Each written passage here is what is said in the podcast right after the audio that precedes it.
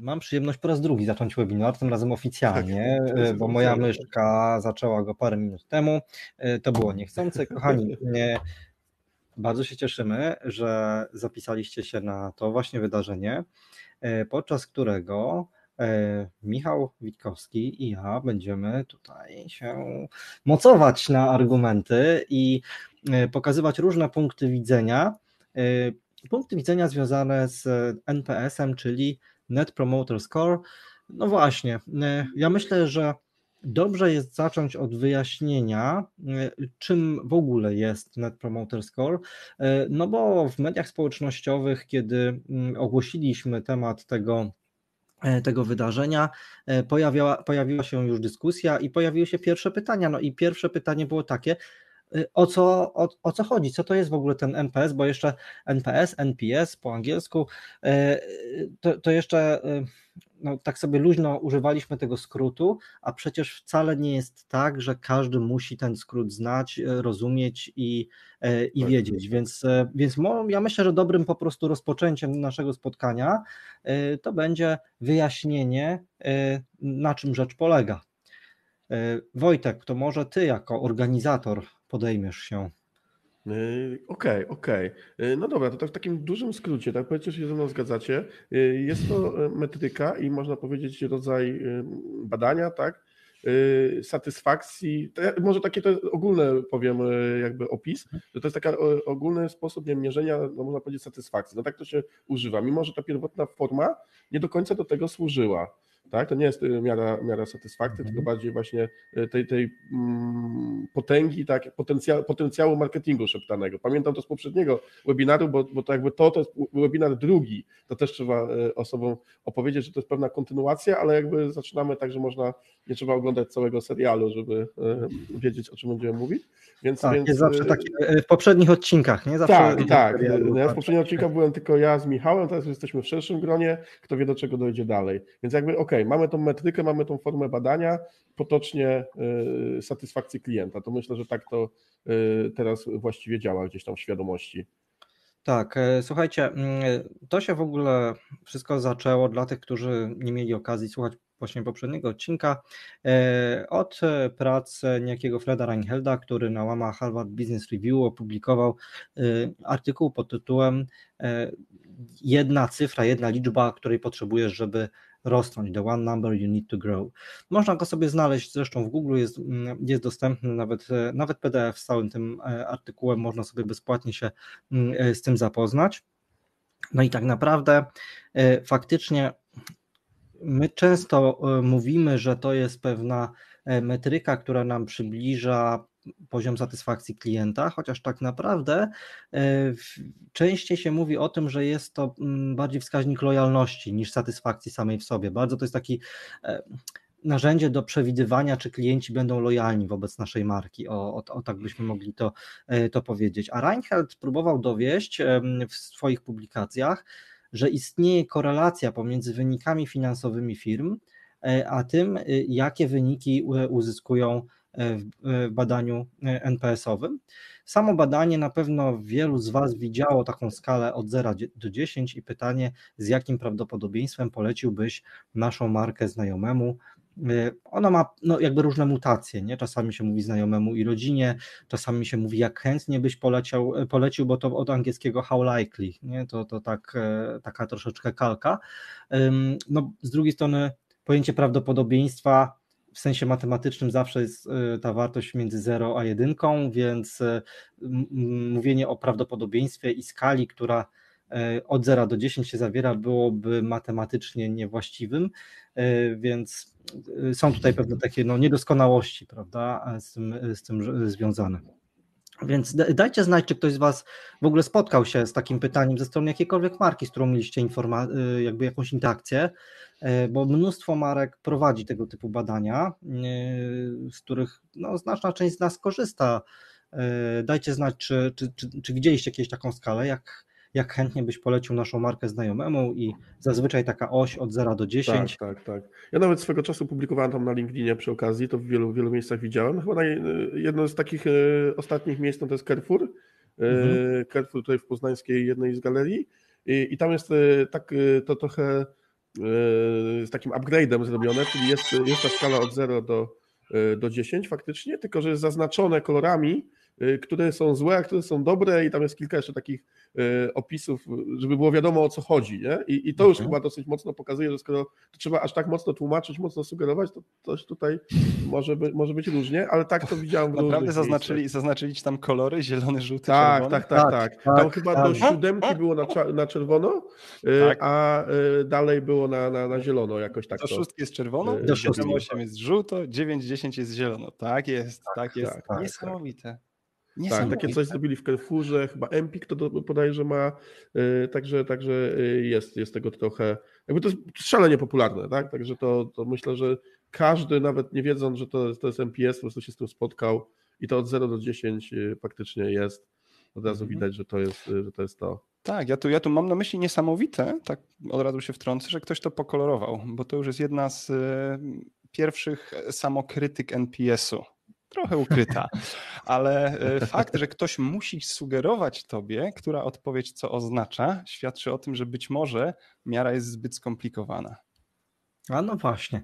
E, to jeszcze do, zanim przejdziemy do tego. Ale zaatakował od razu, nie? Czy jest prosta, czy skomplikowana, to może jeszcze wyjaśnijmy tutaj wszystkim. O, zobaczcie, e, i Diana, i, i Adrianna mówią, że, że spotkały się już z tym, więc, więc ekstra, że mamy tutaj na, na sali osoby, które w jakiś sposób spotkały się z tym badaniem.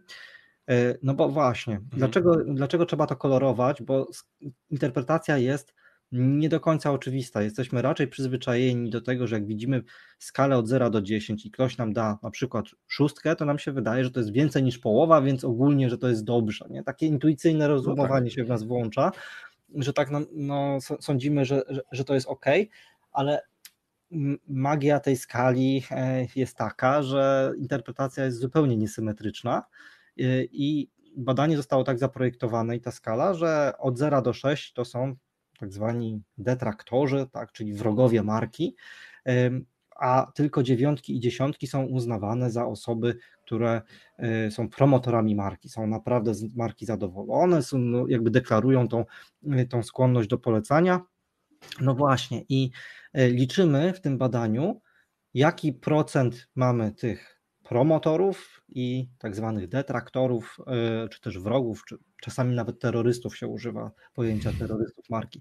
E, odejmujemy to od siebie i stąd nazwa Net Promoter Score, bo to jest ten wynik netto od tych, którzy dają te dobre oceny, dziewiątki, dziesiątki, odejmujemy tych, którzy dają od 0 do 6, czyli, mhm. E, czyli na tej skali, którą uznajemy za, za tak zwanych detraktorów. E, I stąd, I stąd ta nazwa, e, że to jest wynik promotorów netto. No i ponieważ tu mówimy o procent, porównywaniu wartości procentowych, no to zawsze ten wynik, ta matematyka jest nieubłagana, będzie między minus 100 i plus 100. Tak? To tutaj, gdybyśmy mieli samych klientów bardzo mm, e, niechętnych naszej marce, to byśmy mieli minus 100, bo gdyby wszyscy w badaniu odpowiedzieli tak od 0 do, do 6 na tej e, części skali, e, a gdyby wszyscy byli zachwyceni i mówili tak, polecimy waszą markę, no to mielibyśmy plus 100. Także to tyle teoria. Wiemy już, jaka jest mm, skala, co tutaj można uzyskać mm, w tym badaniu. No i właśnie, czy to jest proste, czy czy nie? No Michał słusznie mówi, że trochę tutaj się ta słabość, prawda? Tak, e, tak. Ujawnia. Ja może w ogóle jeszcze dodam tak słowem komentarza, że Artur można powiedzieć, jest zwolennikiem, jest promotorem NPS-a, tak? A, a, a Michał jest e, e, detraktorem. Detraktorem, 2 na 10. NPS-a. Tak, 2 na 10 więc, myślę. Więc jakby dlatego też nazwaliśmy to starciem, no ponieważ tutaj są tak dwie odmienne opinie i zobaczymy, jak będą się ścierać, a ja będę jakiś, nie wiem, może sędzią, no nie wiem, jakieś punkty będę przyznawał. Y, zobaczymy, zobaczymy, kto wygra. Zobaczymy. Jest tutaj jakiś element pojedynku. Tak, żeby tak właśnie wszyscy wiedzieli, że tutaj takie będą zagania żółtego narożnika no, z czarnym narożnikiem. Po niemiecku. Tak jest. E, tak jest. E, kochani, no więc słuchajcie, to mamy jakby e, poziom taki wyjściowy ustalony, że, że wszyscy na sali jakby rozumieją już, co to jest ten NPS, na czym to badanie polega. Część z Was widziała już takie badania. My tutaj dopowiadamy to, czego tak do końca na tej skali nie widać, czyli właśnie jak, jak później są liczone te, te wyniki. I stąd też ten przykład Wojtka, że od 0 do 6 było zaznaczone kolorem czerwonym, czyli to jest takie no, antyintuicyjne, nie? Trzeba przyznać, że spodziewalibyśmy się, że szóstki czy siódemki to powinny być dobre oceny, tak, powyżej średniej. Y, a tymczasem wcale, wcale tak nie jest badanie. No, to, to było jeszcze też tak, że jakby tych, ten czerwień jednak była dominująca, nie? no bo było jej więcej tak, niż, mhm. niż tych innych, więc, mhm. więc było widać, że ta, ta, ta skala niezadowolenia jest dużo większa niż skala zadowolenia. Tak? Mhm, mhm.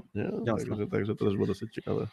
Jasne. E, generalnie w ogóle, mm, jak mówimy o skali od 0 do 10, no, muszę mm, przyznać tutaj, że wydaje mi się, że mam spore doświadczenie w tych, w tych badaniach, ponieważ e, my je prowadzimy od lat mm, jako dosyć duży operator, w związku z czym mam tą przyjemność e, w masowej skali po prostu mieć interakcję z tymi NPS-ami i tutaj to, co nam jakby tak wyszło, to nie, nie, kolorujemy, to już teraz od razu może powiem, my nie kolorujemy tego, natomiast rzeczywiście bywały takie głosy pojedyncze, tak? Bo mówiąc o dużej skali, to, to ja mam na myśli skalę w setkach tysięcy, nie? Bo, bo my mhm. tych badań robiliśmy setki tysięcy ja teraz nie, nawet nie potrafię powiedzieć ile, dlatego że mm, w odniesieniu w ogóle do tych, którzy nie zareagowali na, na propozycję e, głosu w takim badaniu, e, to my po prostu usuwaliśmy, nie, nie przetwarzaliśmy danych tych osób w myśl jakby idei RODO, że jeżeli dane już nie są użyteczne w żaden sposób, to takie zbiory no, nie powinny być gromadzone i przetwarzane, więc my jakby sobie tego nie zachowywaliśmy. Natomiast z tych, co mm, rzeczywiście jest jakiś sens zachować, E, to mamy już ponad 100 tysięcy. Także, e, także 100 tysięcy osób klikało na naszych skalach mm, i mniej więcej połowa z tego, około 50 tysięcy, e, również uzasadniło, dlaczego wybrali na tej skali właśnie taką wartość, a nie inną. No i teraz z tego doświadczenia około 100 tysięcy ocen NPS-owych, to tak jak to u nas wyglądało, no to rzeczywiście, przynajmniej na początku, był taki, taki lęk, że ktoś e, w ogóle może nie, nie rozumieć tej skali e, i będzie mu się wydawało, że jak da odpowiedź na początku, to na przykład, że to jest dobrze, nie? bo czasami trudno nam ocenić, czy to tak na pierwszy rzut oka, a kliknę pierwszą lepszą odpowiedź na przykład, nie? Więc mhm. um, ktoś sobie na, no, może tam nie zdawać sprawy, jaka będzie konsekwencja tego i jak firma to odczyta. Ludzie też y, są trochę przyzwyczajeni do tego, że rzadko następuje jakiś bezpośredni feedback, to znaczy wypełniamy różne ankiety, bierzemy udział w badaniach i nic się potem nie dzieje. Czasami nie wiem, weźmiemy udział w losowaniu jakiejś nagrody, albo e, mhm. no, ankieter nam ładnie podziękuje za wzięcie udziału w badaniu, ale tak naprawdę e, tak naprawdę bardzo często jest taka sytuacja, że ja nie wiem, czy mój głos w ogóle został, no tam, że został zarejestrowany, to powiedzmy, że jeszcze wiem, bo jest jakaś e, informacja, prawda, że dziękuję tam za, za wzięcie udziału w badaniu, ale czy on będzie miał jakikolwiek wpływ na działanie firmy, czy ktoś się nad nim pochyli, czy go ktoś zinterpretuje, w sensie, no wiecie, jakiś człowiek, czy coś za tym mhm. pójdzie, nie? No, chciałem Wam dzisiaj tutaj poopowiadać, jak my to robimy, e, ponieważ, no właśnie, tak jak ja postrzegam NPS, to jest to jakiś rodzaj badania, i pewnie niedoskonały, ale ja to postrzegam nie tyle jako badanie, co bardziej jako filozofię prowadzenia biznesu.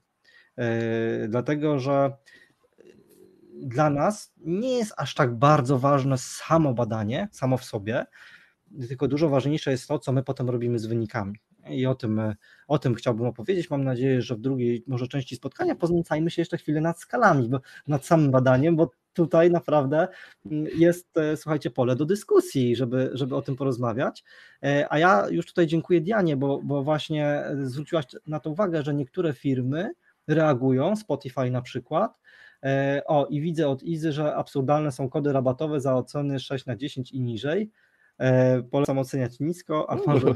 tak to działa? No, no, no, no, to widzę, że już mam zniżkę w Carrefourze na przykład. Na przykład. No różnie, E, różnie, e, różnie można do tego podchodzić. Więc słuchajcie, z jednej strony dla klienta wydaje się, że badanie jest, może być takie hmm, nie do końca intuicyjne, że on nie zdaje sobie sprawy faktycznie, w którą stronę tą oś czytać, albo czy jak da siódemkę, to jest dobrze, czy to jest źle. No okej, okay, to, to ja uważam też, że jest to pewną słabością. E, natomiast z drugiej strony no, to jest tylko jedno pytanie i to mi się w nim strasznie podoba, Mhm. że to jest prosta jedna skala i czasami tylko prośba o uzasadnienie, dlaczego zaznaczasz właśnie tą liczbę, wskazujesz, a nie inną, ale jednak jest to po prostu łatwe. Nie ma tutaj tej wielowymiarowości, prawda, że, żeby musiał ileś skal pokazać, e, korzystać z jakichś zabiegów typu, nie wiem, tak trochę nienaturalnie formułować pytania, jak na przykład na skali Likerta to się robi, nie? E, tylko To jest skala Likerta. Okej, ale no tak, e, no tak, e, nie do końca, znaczy jest i nie jest, nie? Bo to Jest. klasyczne pytanie Likerta jest takie bardziej. e, Mhm. Skala Likerta to jest dowolna skala dyskretna, z tego co Okej. wiem. Czyli 0 do Okej. 11 jest pewnym, 0 do 10 jest pewnym specyficznym przypadkiem Okej. skali Likerta. Tak. Mhm. Jeżeli się nie mylę, aż sobie sprawdzę. No właśnie, bo ja kojarzę tą skalę Liketa jako takie w tym najbardziej klasycznym podejściu, jako pytanie, jak bardzo zgadzasz się z danym stwierdzeniem. Jest pewne stwierdzenie. Tutaj y, ta merytoryka jest troszeczkę inna, bo no nie ma tej sugestii, jak bardzo się zgadzasz z tym, że polecisz, tylko no jak chętnie polecisz. Ale można powiedzieć, że jest blisko znaczne i w tym sensie jest to rzeczywiście bardzo blisko tych klasycznych takich pytań, nie? E, z, te, z tej skali Dikerta. Natomiast jest tylko jedno i to jest super, y, bo łatwo y, wciągnąć kogoś w interakcję wtedy, kiedy on ma tylko pyk, jed- jedno kliknięcie i to wszystko, a dużo trudniej, jeżeli on widzi większy formularz, prawda? No bo to jest zawsze e, wyzwanie e, i zawsze jakoś tam zniechęcające. E, A jak organizacja jest większa, co przećwiczyliśmy w naszym wypadku, to słuchajcie, to są dwa wyzwania. Pierwsze, e, skłonić klienta, żeby zechciał mieć jakąkolwiek interakcję z e, ankietą, formularzem, badaniem wejść, a druga to jeszcze przeproces- przeprocesować to wszystko wewnętrznie, żeby wszyscy w firmie rozumieli o co w tym chodzi, po co to jest e, i grali potem do tej samej bramki, ale to może o tym jeszcze e, Bo za tutaj chwilę. pozwolę, pozwolę sobie w takim razie przerwać od razu, bo to, co mówisz, to mówisz, że zaletą NPS-a jest to, że Mhm. jest jednym prostym pytaniem, które daje jedną prostą liczbę. E, I tutaj naturalne pytanie, które się narzuca w takim razie, jak czytać tą liczbę? Co Mhm. ona konkretnie mówi? Jak interpretujesz jej wyniki? Czy inaczej, jaką wartość przynosi ci poznanie odpowiedzi na to pytanie? Mhm. Słuchajcie, no właśnie, bardzo ważną sprawę poruszasz, nie? bo interpretacja e, no, moim zdaniem nie jest łatwa, e, nie jest taka trywialna. Oczywiście można powiedzieć, im więcej, tym lepiej, nie? no wiadomo, E, ale rodzi się pytanie, to jaki, jaka wartość jest dobra? Czy jak mam wartość 20 to jest dobrze, czy jak mam wartość 100 to jest dobrze, a może minus 50 to jest dobrze, nie? No nie wiem, wiemy tylko, że matematycznie jest minus 100 do plus 100, taki, w takim przedziale się poruszamy. E, To jak e, z mojego punktu widzenia to jest tak, że odpowiedź y, mam ilościową i jakościową, no bo zadaję zawsze to pytanie uzupełniające, dlaczego właśnie, y, dlaczego właśnie dałeś tą ocenę. Przy czym ja robię to w ten sposób, że dopiero jak ktoś zaznaczy, to dopiero wtedy się pojawia to pytanie, czyli jakby y, jeżeli on zaznaczy, a nie odpowie, to ja już mam tą odpowiedź zapisaną jako tylko liczbę. Jeżeli uzasadni dlaczego, no to mam również słowne uzasadnienie.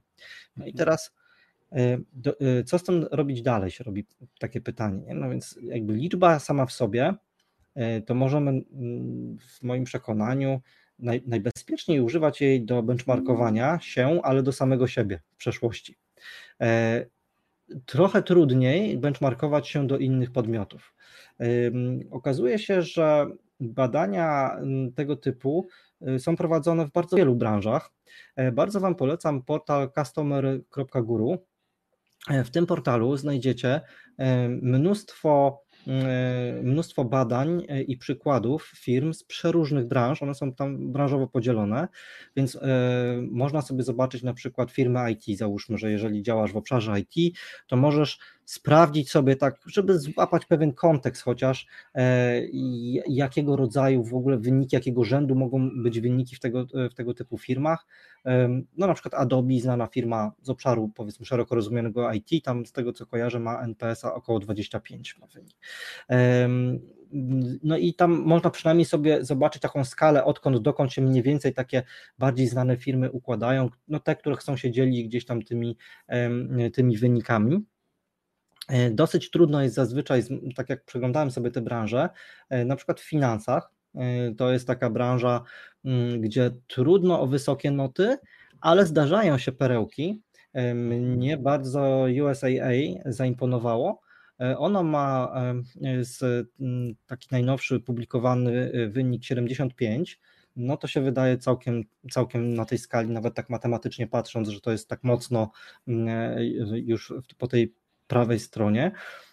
E, USAA jako organizacja finansowa, czyli ubezpieczenia, bankowość, to jest ich obszar działania w Stanach Zjednoczonych. E, e, oni bardzo duże nakłady robią, żeby zachwycać klientów i robią różne ciekawe akcje. Jedna z nich to jest akcja z początku pandemii, kiedy słuchajcie, wydali pół miliarda dolarów na to, że, żeby zwrócić kierowcom część opłat za polisy samochodowe. Powiedzieli, że skoro jest lockdown i siedzicie w domu, to nie jeździcie samochodami, w związku z czym byłoby nieuczciwe pobierać od Was pełną kwotę polisy, e, więc my Wam zwracamy po prostu 20% polisy. Nie? I wydali na tą akcję pół miliarda dolarów. Nie? Także mhm. no to są takie rzeczy, które mogą zachwycać, nie? te tak. takie, takie gesty. Mm, słyszałem też, że wcześniej zrobili podobną akcję z e, oficerami czy żołnierzami, którzy służyli w Iraku, że skoro byłeś na misji w Iraku, to nie mogłeś jeździć w tym czasie samochodem w Ameryce, więc my ci oddajemy kasę za ubezpieczenie. Okay. A klienci odsyłali, mówiąc: Nie, nie, spoko, fajny gest, ale ma, wam się należy, bo ja pożyczyłem samochód bratu i on jeździł. No, wiecie, no, mm, okay. no Także... A tak wiesz, tak od razu dostajesz 20% zniżki i FPS-ik od razu. Bo ja tak słucham, słucham i próbuję zrozumieć, ale cały czas jeszcze nie znalazłem tutaj w Twojej mhm. wypowiedzi odpowiedzi na pytanie, co mierzy NPS? Gdybyś miał tak mhm. powiedzieć konkretnie, co Twoim zdaniem mierzy? Do czego zmierzam? Jeżeli metryka ma przynosić wartość, musimy wiedzieć, na jakie pytanie odpowiada i ważniejsze, po co my tej wiedzy potrzebujemy, co my możemy zrobić z tą wiedzą. Mhm. Czyli jakby jakiej wartości dostarcza Twojemu klientowi NPS i dlaczego? Cały mhm. czas, cały czas jeszcze chciałbym się tego dowiedzieć. Okej, okay. E, no dobra, e, więc co, co mierzy? Mm, teoretycznie powinien mierzyć taką teoretyczną gotowość do polecania Twojej marki.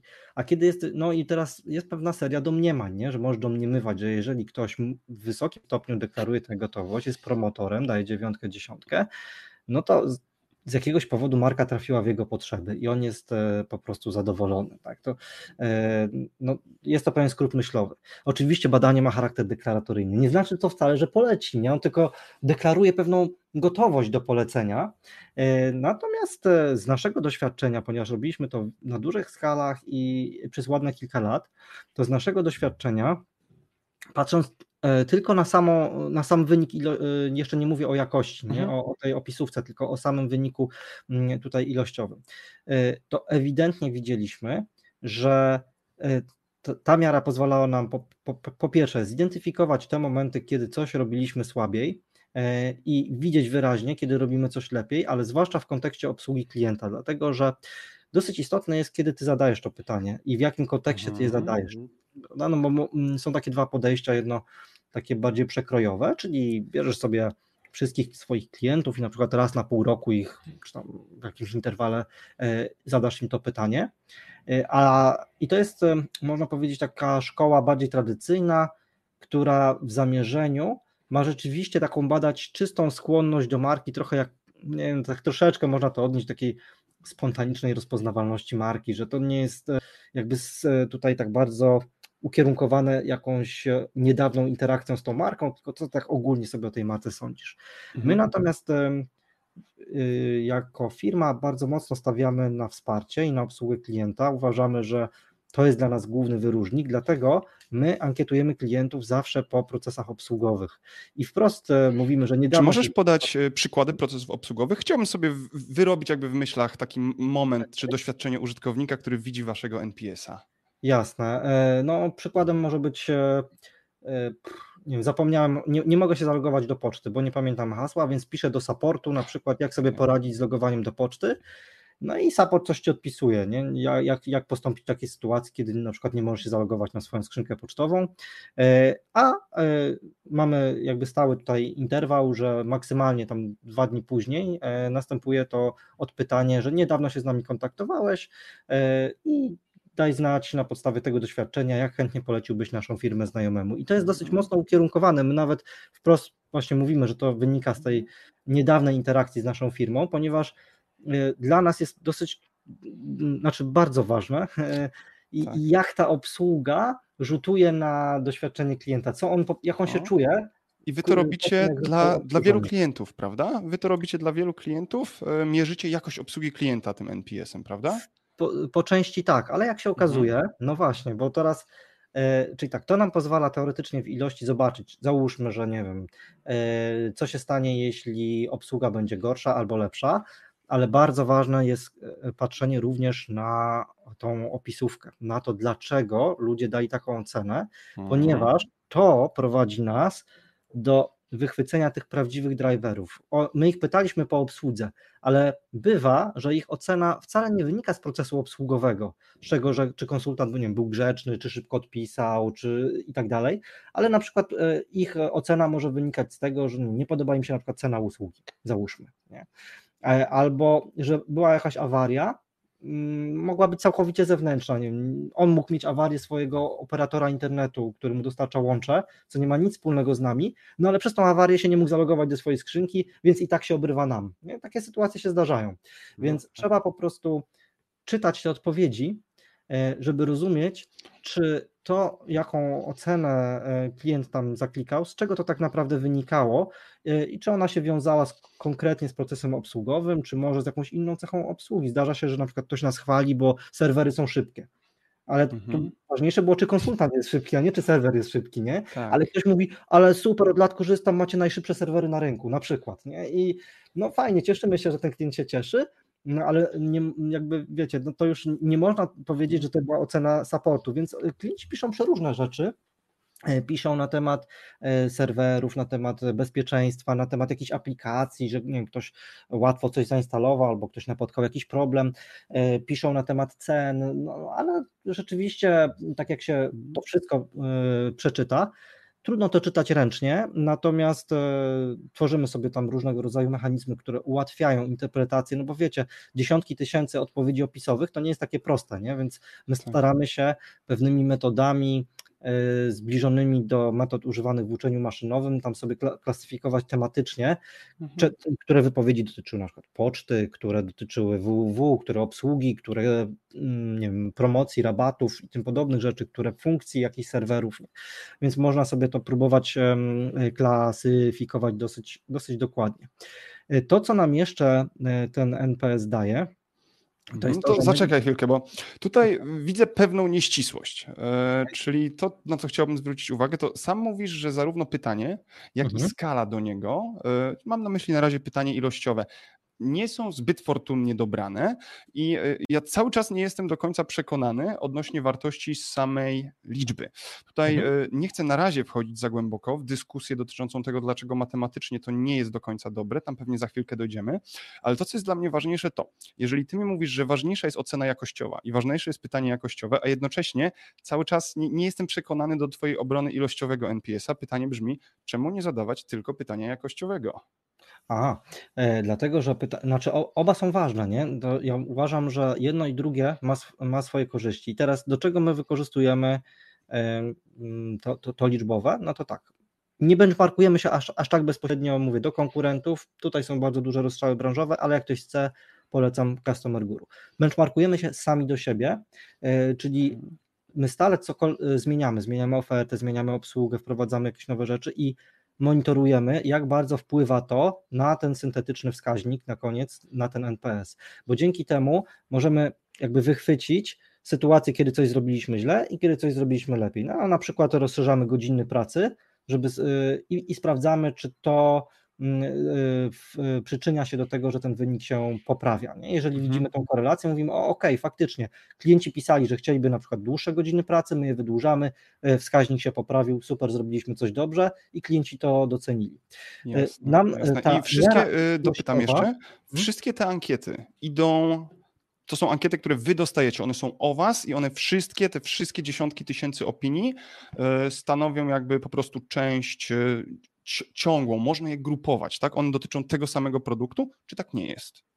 Nie, produkty mamy różne, nie? No, jakby mhm. mamy i domeny, i, e, i hosting, i e, serwer tak. VPS, e, i serwery dedykowane, ale można powiedzieć, że jakby tak ogólnie mhm. hostingowe to są produkty, tak?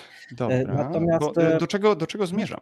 Zmierzam do tego, że jakby tutaj dzieją się dwie rzeczy. Jeżeli patrzysz tylko na pojedynczą liczbę, która wydaje się prosta, no to pytanie mhm. brzmi, w jaki sposób zidentyfikujesz nagłą polaryzację użytkowników? Wprowadziłeś zmianę, która sprawiła, że 10% osób więcej stało się detraktorami, czyli po prostu stwierdzi, je, nie mhm. cierpię tej zmiany, ale 10% mhm. więcej stwierdziło, to jest super. Tak. I jak no, to rozpoznasz? Patrzymy oczywiście w histogramy. E, napisaliśmy sobie całą apkę do tego, e, mhm. więc e, patrzymy sobie w histogramy, czyli rozkłady, ile osób tam dało które oceny.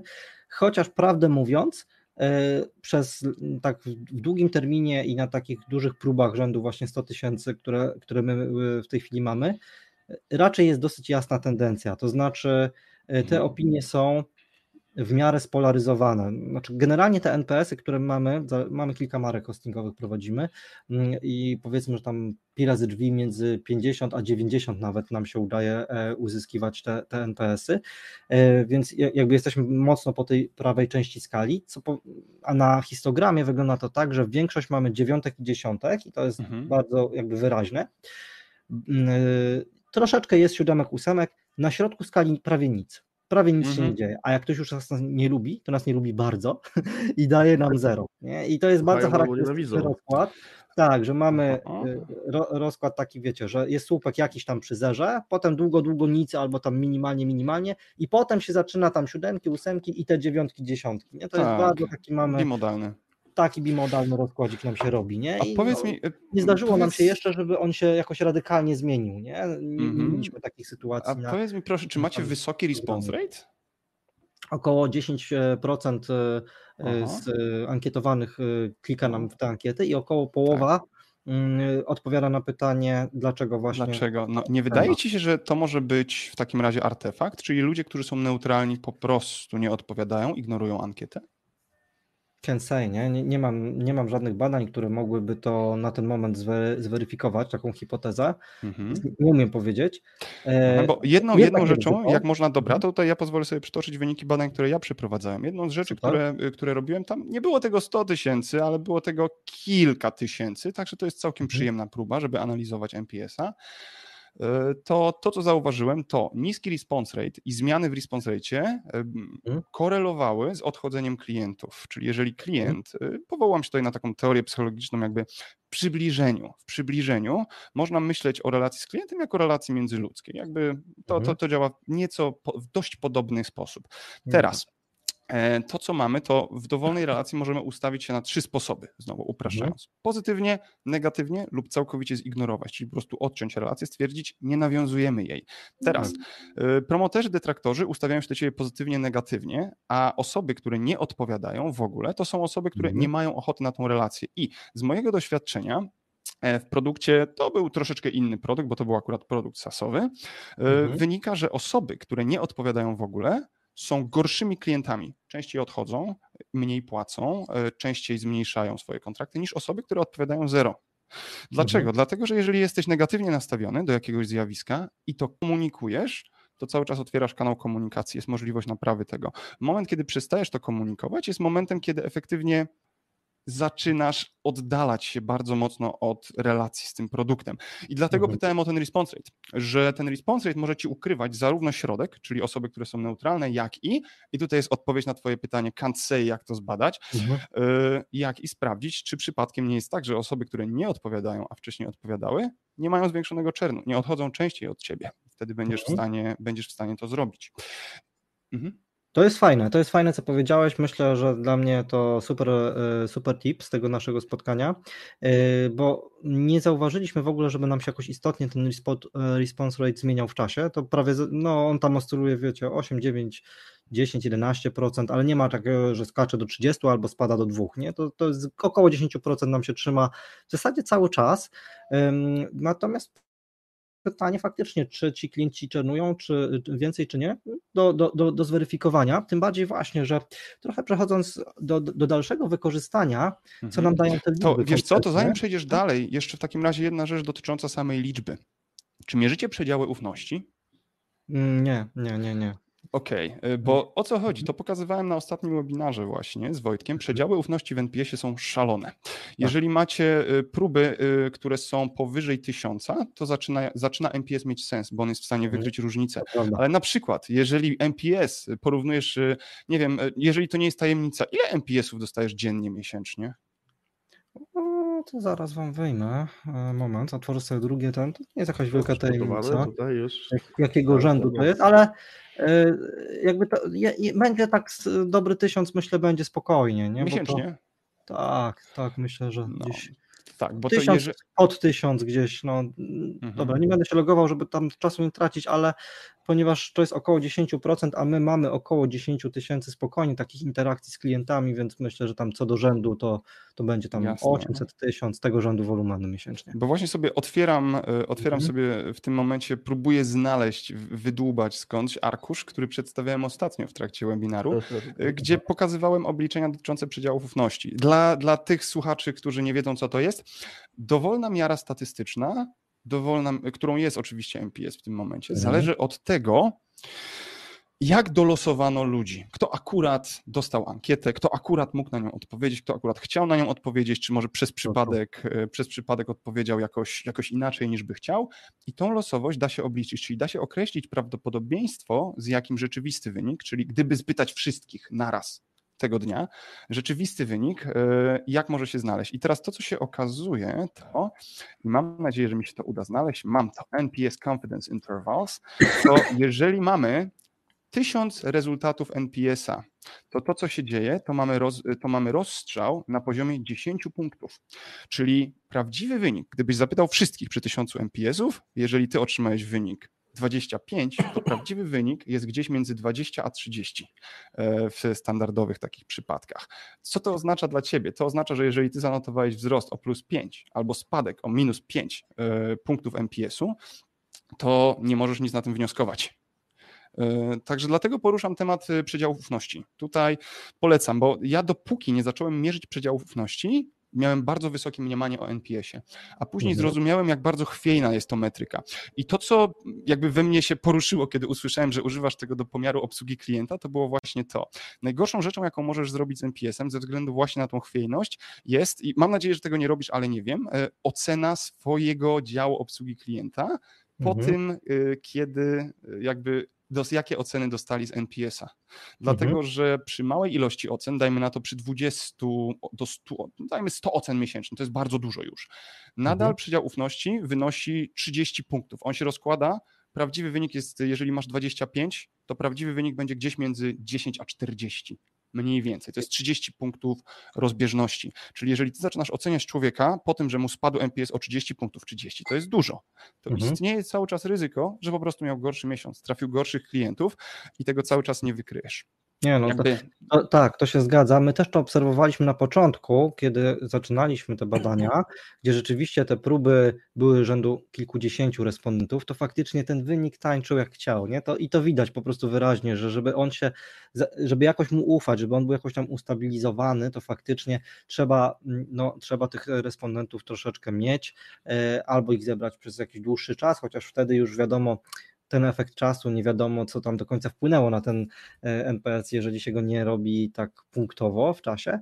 E, no, w naszym wypadku, ponieważ my co miesiąc mamy, mówię, to są około tysiąca odpowiedzi, więc e, w skali roku zbieramy tam kilkanaście tysięcy, a prowadząc to przez kilka lat uzbieraliśmy 100 tysięcy, no to jakby nasze próby są już wystarczająco duże, żeby, żeby te obserwacje w miarę wiarygodnie prowadzić. No właśnie, i mówisz o ocenie, mm, więc u nas e, jest to e, jeden ze składników e, oceny, a konkretniej rzecz biorąc, on wpływa po prostu wprost na wynagrodzenia u nas. Nie, nie wszędzie, natomiast działa to w ten sposób, że mamy po prostu pewne cele związane z NPS-ami, tylko że rozliczamy je kwartalnie, tylko że u nas ten kwartał oznacza, że tych ocen jest e, kilka tysięcy, nie? jest tam mhm. trzy tysiące, więc dlatego sobie możemy na to pozwolić. Gdyby ich było 30, pełna zgoda, byłoby to nierzetelne, nie? to byłoby bardzo losowe e, i, i trudno byłoby oceniać e, tutaj e, obsługę klienta. Natomiast mamy składniki takie jak no po prostu składnik wynagrodzenia taki premiowy, który zależy wprost od osiągnięcia tam odpowiednich wskaźników w ramach tego NPS-a. I to jest, mm, mhm. moim zdaniem to jest dobre, ponieważ pozwala ludziom naprawdę skupić się na tym, żeby na koniec e, klient był zadowolony. Oni po prostu wiedzą, że cała firma gra do tej samej bramki mhm. i to jest taki efekt jakby motywujący. Nie? To na mhm. pewno możemy powiedzieć, że skala, że to nie jest doskonałe, choćby dlatego, że zdarzają się roboty, które odpowiadają na maile, y, bo tego nie da się nigdy wykluczyć i robot kliknie całkowicie jakby losowe, albo po kolei klika 0, 1, 2, 3, bo klika każdego linka, który jest w mailu, nie? Tak się też zdarza. Więc jak mhm. się ma, y, akurat my mamy Masz te roboty, dużo zer wtedy. Tak, nie, bo wiecie, akurat dlaczego roboty, bo my jako firma hostingowa mamy dużo interakcji z, z rejestrami domen, z wystawcami mhm. certyfikatów mhm. SSL e, i tak dalej. I to powoduje, że duża część korespondencji, która wpływa do nas, ma charakter automatyczny, no i jakiś robot po mhm. prostu odpisuje. No trudno temu mechanizmowi tak ocenić, czy to robot do nas napisał tego maila, więc wysyła mu tą ankietę, a po drugiej stronie siedzi jakiś robot, który klika po prostu bezmyślnie w te, w te linki, nie? Więc Jasne. to się po prostu też gdzieś tam zdarza. Dlatego na małych próbach e, byłoby, mm, byłoby to trudne. No natomiast e, przy większej skali e, my temu wierzymy i zauważyliśmy, że naprawdę pomaga to pracownikom w skupieniu się na tym, żeby fajnie grać do tej samej bramki, bo to jest prosta miara, mhm. którą oni po prostu rozumieją i, i, i, czują się tacy zmotywowani, żeby dowieść tak. wysoki poziom zadowolenia e, klienta. Dobra. To e, Ale tak, to sekundkę jeszcze. Ja mam tutaj link tylko wyślę w czacie. Wojtek, jak ci się chce, to możesz dorzucić później do opisu. Udostępniam mój kalkulator przedziałów ufności w tym momencie, Super. czyli jakby ktoś był zainteresowany policzeniem sobie tego, jak wygląda jakby prawdziwy NPS, czyli gdyby mhm. zapytać wszystkich tego dnia, tutaj są te przedziały ufności, jak z tego korzystać, po prostu Musiałbyś wynik jest... zmienić uprawnienia bo nie można edytować. Widzę ludzi, nie można edytować, totalnie. Yy, bo byłby bałagan A nie, straszny. można skopiować. Okej, okay, dobra, można, można tak. zrobić kopię. Okay, dobra, Można dobra. zrobić kopię to i tutaj są też formuły. Wziąć... Także nie chcę robić tutaj za dużego bałaganu. Tutaj liczy 90 i 95% przedział ufności. I jeszcze tak, bo zastanawiam się, bo to co mówisz, to u ciebie MPS uwspólnia działanie całej firmy i jakby co do zasady analitycznie, moim zdaniem, są bardzo dobre działania. Ja w ogóle jako analityk zawsze zalecam, żeby strategia firmy, czyli to, co mówiłeś na początku o tej filozofii e, i metryki, których używasz, były ze sobą powiązane, żeby to wszystko chodziło razem i żeby było jasne. Czyli u ciebie MPS pełni taką rolę, powiedzmy sobie, Northstara. I to moim zdaniem Trochę tak, no tak, ładnie jest, jest świetnym, mhm. to super, jest świetnym, e, świetnym jakby działaniem. Moim zdaniem to jest jedna z najlepszych praktyk, jakie możesz zrobić. Natomiast e, to, czego cały czas nie usłyszałem, to co dokładnie mierzy ilościowy MPS. Pozwolę sobie mhm. jeszcze elaborować. Argument o jakościowym, e, o jakościowym aspekcie do mnie przemawia, ale nie widzę potrzeby mierzenia MPS-a. Mhm. Teraz dlaczego? Wspominałeś o tym, że MPS wziął się z Harvard Business Review. E, no mhm. i sprawa wygląda tak, że Harvard Business Review około 2,5 roku temu um, zaczął krytykować NPS-a. Wrzucam mhm. artykuł tutaj. Nie wiem, czy widziałeś ten artykuł. E, zrobiłem sobie mały research, żeby zobaczyć, bo ten, ten, ten mój hejt na NPS-a e, okazuje się, że jest mniej więcej związany z tym, jak to się w czasie kształtowało też w szerszej społeczności internetowej. I to, co jest w tym artykule, to autokrytyka Harvard mhm. Business Review NPS-a.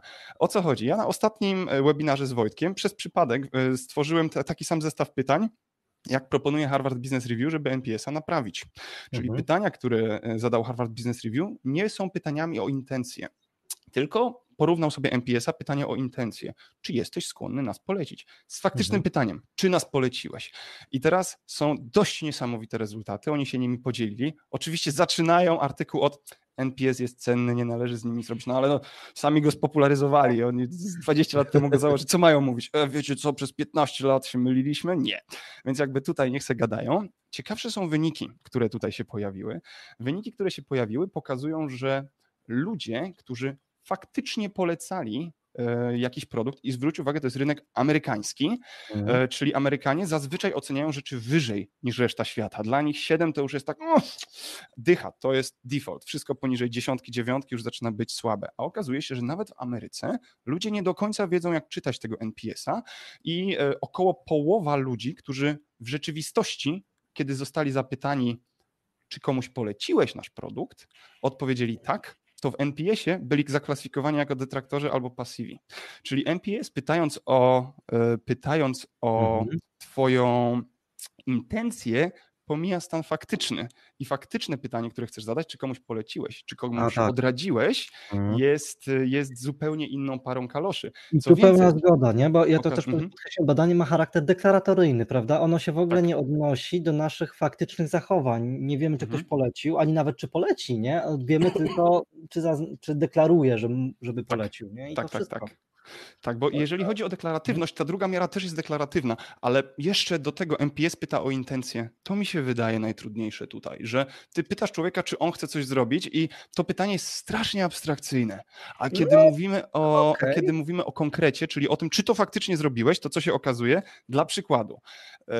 Ym, I tutaj pojawia się pytanie, co w ogóle mierzy NPS i dlatego ja Mhm. cały czas jakby staram się wydobyć z ciebie tę odpowiedź, żeby uzyskać coś, co mnie przekonuje. Usłyszałem rzeczy, które mnie przekonują, ale tego jeszcze nie usłyszałem. E, I teraz Okej. dlaczego, dlaczego, dlaczego tak? Weźmy sobie pytanie, które zadali w Walmarcie, wśród klientów Walmartu. Zadali Mhm. MPS-em, MPS-em pytanie, jaka jest szansa, że poleciłabyś nas, czy odradziłabyś nas, nie? E, No i mieli, Walmart miał około 30% detraktorów, ale kiedy zadali drugie pytanie, czy faktycznie odradziłeś komuś Walmart, to e, wydaje mi się, że wydaje mi się, że tam było tylko 3% faktycznych detraktorów.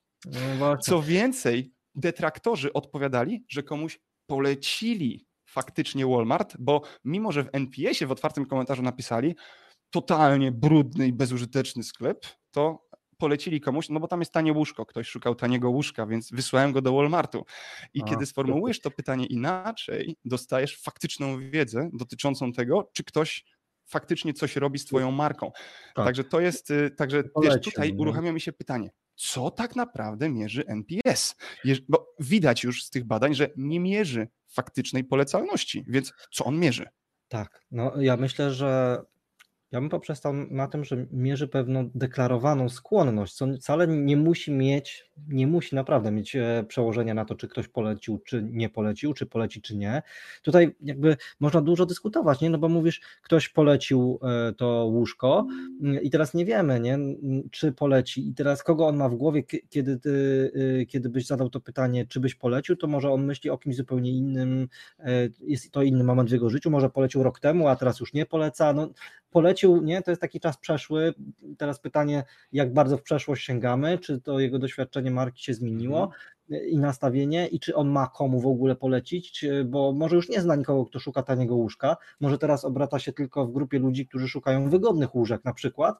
I w związku z tym teraz już by nikomu nie polecił, bo załóżmy nie ma relacji z osobami, No. które by mogły z tego Ale skorzystać. nie wydaje się, że to jest strasznie Dużo dużo, strasznie dużo założeń, nie wprost teraz, które No, czynisz? No jest, jest, bo, bo, bo myślę, że dotykamy sfery, którą w gruncie rzeczy trudno jest jednym prostym pytaniem e, jakby zmierzyć w taki sposób no quasi obiektywny, nie? To zawsze będą Mhm. jakieś, jakieś niedopowiedzenia, jakieś założenia, które musimy zrobić, ale odniosę się do tego, co powiedziałeś, właśnie, czy ci ludzie faktycznie polecają. I wiecie co? No my sobie stwierdziliśmy, że y, też powiemy sprawdzam. E, I to powiedzenie sprawdzam e, w naszym wypadku e, polegało na dwóch działaniach. Pierwsze działanie jest takie. Skoro ktoś mówi, no bo popatrzcie, to jest jakby jeden z obszarów marketingu, czyli dbanie o reputację, czyli to, jak inni cię postrzegają, jakie masz opinie w internecie i tak dalej. I my y, po prostu, y, skoro ktoś już powiedział, poleciłbym, tak, daję dziewiątkę, dziesiątkę, poleciłbym, to my go prosimy, to poleć. Jakbyś Mhm. polecił, to poleć. Nie? Masz tu linka do, zostaw opinię na Facebooku, e, zostaw opinię w Google Moja Firma e, i tak dalej, nie? I, I my po prostu mówiliśmy, to skoro byś polecił, to fajnie, to po prostu podziel się taką swoją szczerą opinią, co, dlaczego byś polecił, komu byś polecił i poleć. No i dzisiaj jesteśmy firmą hostingową, która ma najwięcej pozytywnych opinii w Polsce w tej branży, nie? I, i po prostu miażdżymy totalnie e, konkurencję, mamy wielokrotnie więcej pozytywnych opinii. Drugi, e, e, druga sprawa, którą my robimy wokół tych zadowolonych klientów, nie tylko, Mhm. że mówimy to poleć. Pozwolę sobie skomentować, bo tak, po pierwsze, mega sprytne. E, po drugie, to nadal nie broni NPS-a. To, co ty robisz, to pytasz człowieka o intencje, po czym kiedy ktoś wyraża intencje, wykorzystujesz to, żeby was polecił. E, Czyli tutaj to, co robisz, to socjotechnika, stopą w drzwi.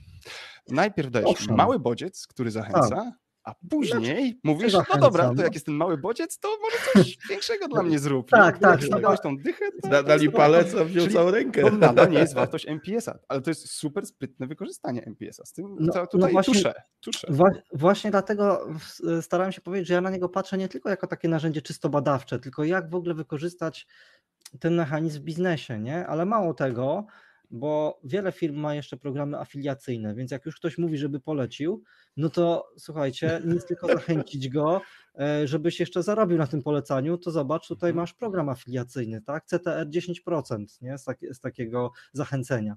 Więc jakby Czyli chcesz można- powiedzieć, że wpływasz na wyniki MPS-a dając ludziom zniżki za wysokie oceny? Nie, nie, no nie daje właśnie żadnych zniżek, nie? Nie daje żadnych zniżek. Mhm.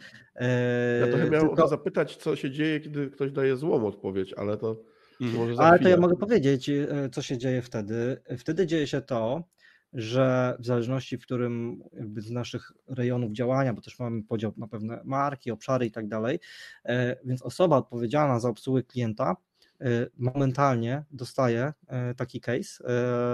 To, to trwa, wiecie, ułamki sekund, nie? A, a, I kierownik po prostu odpowiedzialny za obsługę klienta ma obowiązek wyjaśnić tą sprawę indywidualnie, dlaczego mamy klienta, który mówi, żeby nas nie polecał, co się stało, czy my zawiedliśmy, czy jest coś, co możemy zrobić A lepiej. ile musi dać, żeby aż takie armaty No, wyciągnąć? no, no każdy, każdy detraktor, nie? Czyli od 0 do 6, e, chociaż u nas mówię, to są prawie zawsze zera, nie mamy No. prawie w ogóle trójek, czwórek, nie?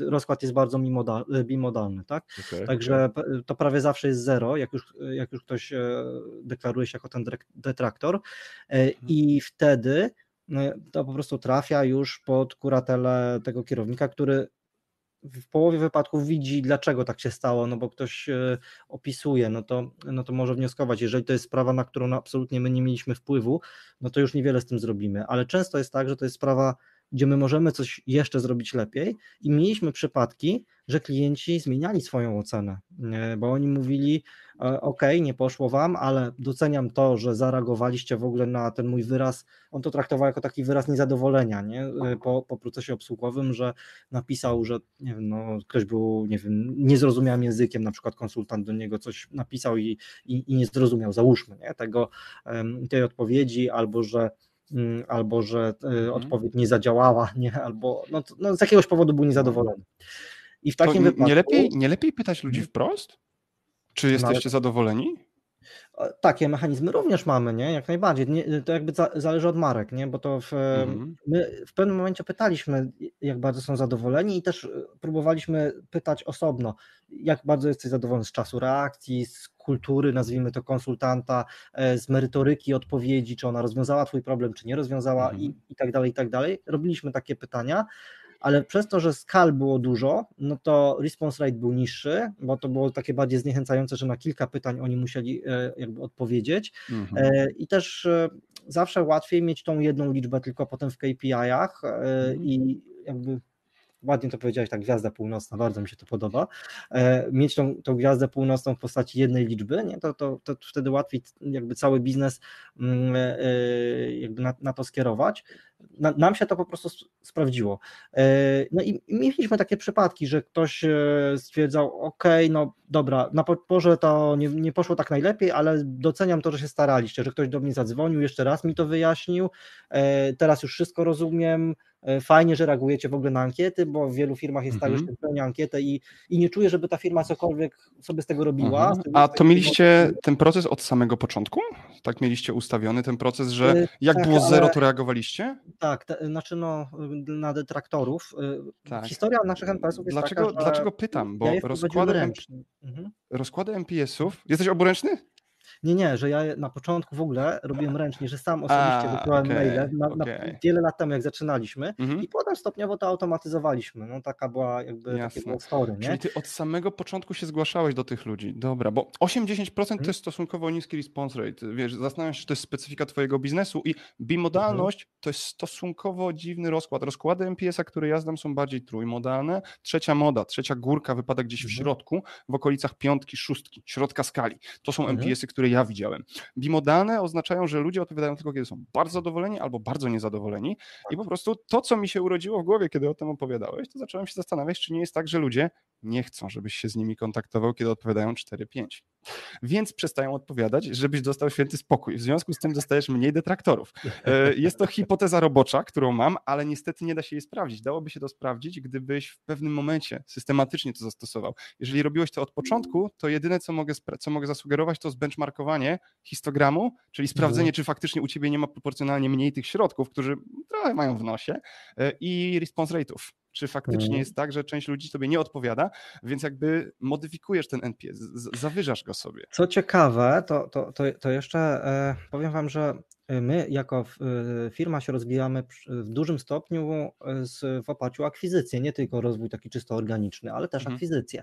E, To powodowało, że w naszej historii było wiele marek hostingowych, bo przejmowaliśmy wiele biznesów i robiliśmy te badania w wielu markach. I wydaje mi się, że to jest jednak cecha e, jakby samego biznesu, samej branży, dlatego że bez względu na to, w której marce dane badania prowadziliśmy, to ta bimodalność prawie zawsze się ujawniała. Nie? Także, przepraszam, y, były momenty krótkie, y, ale wtedy były małe próby, na przykład y, y, 30 respondentów, a to już sobie powiedzieliśmy, że ciężko wnioskować na tak małych próbach mm, i te rozkłady jeszcze nie są takie wiarygodne.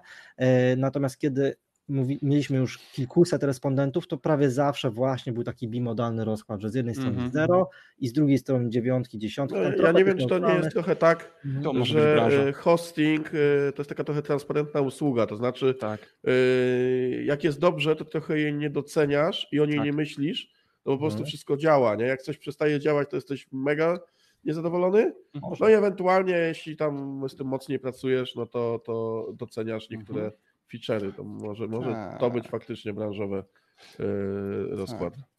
Bo tak No, mogło. próbuję, sobie, próbuję sobie w głowie Mhm. podsumować, Artur, o, jakby co, co opowiadasz. I wydaje mi się, że tak, wy- wyszedłeś od tego, że MPS odpowiada na pytanie, czy klienci są lojalni wobec marki e, i że MPS No jest e, pewnym później predyktorem nie, tej lojalności. No, do tak tego, że, e, że Ale to postrzegasz nie? jako... Tak, Tak, tak, bo to jest tak, ważne, to jest tylko pewna predykcja, że on, e, prawda, no bo to nie jest Mhm. Takie działanie, bar- no nie wiemy, czy odnowił abonament na kolejny okres, czy, czy nie, dopiero potem sobie gdzieś tam to mierzymy, ale zaobserwowaliśmy, że w tych markach, gdzie e, wyniki były słabsze, to, to, to była taka gołym okiem wyraźna korelacja, no e, nie będę się wypowiadał tu językiem statystycznym, no bo też tych marek nie mieliśmy 200, tylko Jasne. jakby kilkanaście w naszej historii, więc to trudno mówić, że mm, próba firm była jakaś wielka. E, Natomiast zauważaliśmy to, że tam, gdzie były słabsze wyniki NPS, to jednocześnie była słabsza lojalność. Nie? Było to widać tak gołym Mhm. okiem. Nie? To, to, to było Jasne, no, naprawdę widać. jasne. Do, to, do, to, do czego zmierzam, to jakby twoja narracja zaczęła się od tego, że chwaliłeś NPS jako prostą metrykę, po czym ja przez ostatnie 45 minut bardzo chciałem zrozumieć, jak prostą metryką jest NPS i cały czas nie rozumiem e, i jakby w- w mojej głowie NPS jakby ok, w twojej strategii marketingowej NPS robi e, w sensie to, jest, to wy- wykręca po prostu mój mózg na lewą stronę, bo to nie jest metryka, to jest bardzo sprytne użycie mechanizmu, który ma być metryką do prowadzenia biznesu. I w tym sensie to jest Tak. filozofia, ale nie nazwałbym tego analityką, nie nazwałbym tego metryką, Mhm. bo y, dlaczego mówię analityka, Mhm. metryka? To, po co ja mierzę Mhm, rzeczy, to mhm, żeby mhm. dowiedzieć się, jak jest, żeby znaleźć maksymalnie obiektywny opis rzeczywistości. Ty natomiast dookoła MPS-u zbudowałeś całą machinę i MPS tak wygląda, jakby przestał być do końca metryką, a zaczął Zgadza być się. tym, co mówisz, filozofią. I, tak, wiesz, tak, jeżeli, tak i dlatego ja Mhm. tam nie widzę, wiesz, ja nie widzę wartości w MPS-ie jako takim, ale kiedy rzeczywiście obuduje się tego taką maszynerią, jaką ty masz, to zaczyna mieć sens. Ty prawdopodobnie przy twojej aktualnej filozofii nie jesteś w stanie odejść od NPS-a, ale jednocześnie ja cały czas będę się trzymał swojego stanowiska dotyczącego wartości analitycznej NPS-a, czyli odpowiadał Mhm. na pytanie, jak jest. NPS odpowiada na pytanie, jak jest, tylko nie wiadomo które, nie wiadomo jakie. Jest amalgamatem wielu pytań, z jednej strony właśnie związanych z tym, czy ktoś nas polecił, no bo nawiązując do twojej krytyki, że nie wiadomo kiedy, no okej, okay, nie wiadomo kiedy, ale możemy zawiązać w ostatnim miesiącu. Czy poleciłaś nas w ostatnim miesiącu? Możemy. Czy jeżeli zadowolenie chcemy mierzyć, zapytajmy ludzi wprost, czy jesteś zadowolona z naszej usługi hostingowej? Tak czy nie? Czy może średnio? I dodajmy komentarz. Wszystko, co powiedziałeś, będzie się trzymać, ale w momencie, kiedy, w momencie, kiedy zaczynasz budować dookoła tego marketing, który na dodatek jest skuteczny, tam już nie ma odwrotu, po prostu ty budujesz dookoła tego biznes. E, I to mi się wydaje tutaj sednem sprawy, dla której, dla której wydaje mi się, że ty tego będziesz bronić, bo to jest po prostu klucz dla twojego biznesu, e, a ja będę atakować, dlatego że analitycznie Jasne. są lepsze miary niż NPS, po prostu. Jakby mhm. jestem w stanie ci powiedzieć w jednym zdaniu, co mierzy user satisfaction, jestem w stanie ci powiedzieć w jednym zdaniu, co mierzą pytania o to, czy mnie poleciłeś. Nie jestem w stanie w jednym zdaniu powiedzieć ci, co mierzy NPS, co więcej, im bardziej się nad tym zastanawiam, tym bardziej nie wiem. Także to wskazuje na to, że NPS nie jest analitycznie optymalną metryką. Taki byłby mój komentarz do tego, co tutaj się okay. wydarzyło. Słuchajcie, kochani, no to zobaczcie, możemy popatrzeć na, na te NPS-y z, różnych punktów widzenia e, i e, rzeczywiście analitycznie e, jest tutaj spore pole do dyskusji. E, co, co do jakby czystej analityki, faktycznie e, ma on pewne minusy. Możemy sobie wyobrazić badania na pewno dokładniejsze, być może nie wymagające takich dużych prób, żeby jakkolwiek im móc im zaufać, no bo to jest bardzo fajne, co powiedziałeś o tych przedziałach ufności E, I nie każdy ma taką możliwość, żeby mieć takie duże próby, no bo łatwo się mówi, jak się e, zajmuje marketingiem w firmie, która obsługuje ćwierć miliona użytkowników, nie? Ale to nie każdy jest w takiej sytuacji, jak ktoś powiedzmy ma początkujący sklep internetowy i, i pozyska 7 e, ocen, no to co ma mhm, no tak. robić, nie? No to, no to trudno tutaj mówić. W takim przypadku to w ogóle pytanie, czy, czy analityka jest dla niego na tym etapie, nie? No, no właśnie, nie bardzo. można się zastanawiać, nie? Nie bardzo, tak no. Pi razy oko, 5 do 10 tysięcy miesięcznych użytkowników to jest moment, kiedy powinieneś mieć analitykę. 1000 to jest minimalna liczba. To tak mm. pi razy oko. Więc jak masz kilka ocen, mm, mm, to, NPS to jest zły. Jakościówka jest wtedy bardzo dobra. Właśnie wiesz, ten, na przykład gdybyś wziął z NPS-a, wyrzucił NPS-a, nie? I zostawił to pytanie jakościowe. No men, to jest całkiem dobre, bo od początku dostajesz pytanie, jak ci się robiło u nas zakupy dzisiaj, nie? Albo co przyciągnęło twoją uwagę. Gdyby odpowiednio je sformułować, nie myślałem o tym. Dostałbyś tylko jakościowy input i wtedy byłbyś w stanie sam go ocenić, czy jest dobry, czy zły, czy neutralny. To, to też jest e, jakaś opcja. Tak, nie? Czyli tak, jakby możesz nauczyć algorytm uczenia maszynowego, patrząc po NPS-ie i po słowach, które zostały użyte? Czy możesz próbować nauczyć go na, na podstawie innych kryteriów i zadać mhm. tylko pytanie jakościowe? Bo jakby NPS wtedy, no nie, u ciebie to jest po prostu straszna maszyna, ten NPS. No, maszy, jakby... no, no, jest maszyna, jest maszyna, mi ona działa bardzo fajnie, powiem wam szczerze, że ja jestem zadowolony z działania tej maszyny.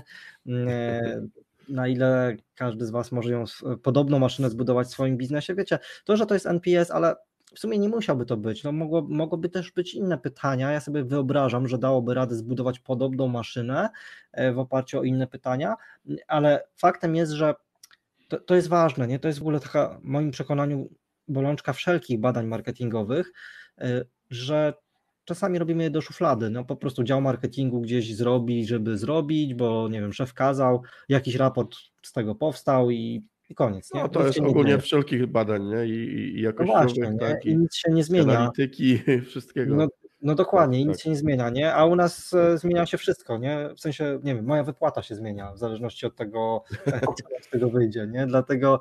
E, będę o tym pamiętał. Będę liczcie, liczcie, liczcie te przedziały ufności, bo możecie tracić ludzi przez to, nawet wam nie będą mówić, bo nie chcą dyskutować. E, mhm. Ale nie, serio, moje doświadczenie z NPS-em, jeżeli chodzi o ocenę obsługi klienta jest zazwyczaj złe, kiedy oceniasz po tym osobę. Może to być mhm. jakaś wskazówka na zasadzie takiej, że coś poszło bardzo źle, że NPS jest bardzo niski albo bardzo wysoki, to jest dobra wskazówka, ale już drobne mhm. wahania w NPS-ie, przez drobne rozumiem 20 punktów, bo tak należy patrzeć ocenę pojedynczej osoby, mhm. to nie, nie, można z nich nic wnioskować. E, I tak. wtedy, jeżeli będziesz po NPS-ie robić, to wiesz, mechanizm, który się uruchamia u ludzi, to jeden z dwóch. Albo sobie myślą, Jezu, jestem beznadziejny, ale nikt tego nie zrobi, będą myśleć, ale ten NPS jest beznadziejny. I dostajesz armię ludzi, którzy są oceniani niesprawiedliwie, ich zdaniem, e, zazwyczaj słusznie, jeżeli nie mierzysz tej losowości tych przedziałów ufności. Także to jest coś, z czym, z czym ja dość, dość, twardo, dość twardo walczę, bo nie lubię niezadowolonych mm, ludzi. Jasne, no nikt u nas nie, na szczęście nie, nie, nie wyleciał z pracy, dlatego że Super. taki czy inny wynik miał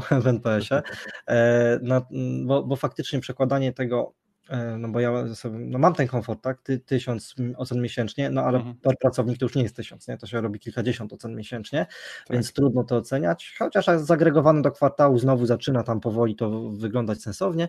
E, powiem Wam, że to, co e, my tutaj tak analizujemy, to jest odniesienie się do mm, konkretnych osób rzeczywiście i widzimy tu pewne prawidłowości, również w rozbiciu na obsługę, na kanały kontaktu, bo co się okazuje, że nawet intuicyjnie, y, kiedy no, jakby znamy się nawzajem w firmie, y, to gdzieś tam intuicyjnie to widzimy, ale potem w dłuższym terminie okazuje się, że badania te NPS-owe to potwierdzają, że niektórzy dużo lepiej radzą sobie na przykład w kanale mailowym i uzyskują lepsze oceny w kanale mailowym, bo po prostu wolą pisać, a inni w kanale telefonicznym albo mhm. na czacie. Nie? I widać wyraźnie, że część osób dużo lepiej sobie radzi, kiedy ten kontakt jest bezpośredni, na przykład na czacie czy, czy e, przy rozmowach telefonicznych i w ogóle im bardziej bezpośredni jest ten kontakt, tym zazwyczaj oceny się uzyskuje lepsze, ten klient też e, daje tutaj wyższą ocenę potem w NPS-ie, mhm. ale e, część osób dużo lepiej się spełnia po prostu pisząc na maile, po, potrzebują troszkę więcej czasu, nie wiem, zastanowić się, może ich stresuje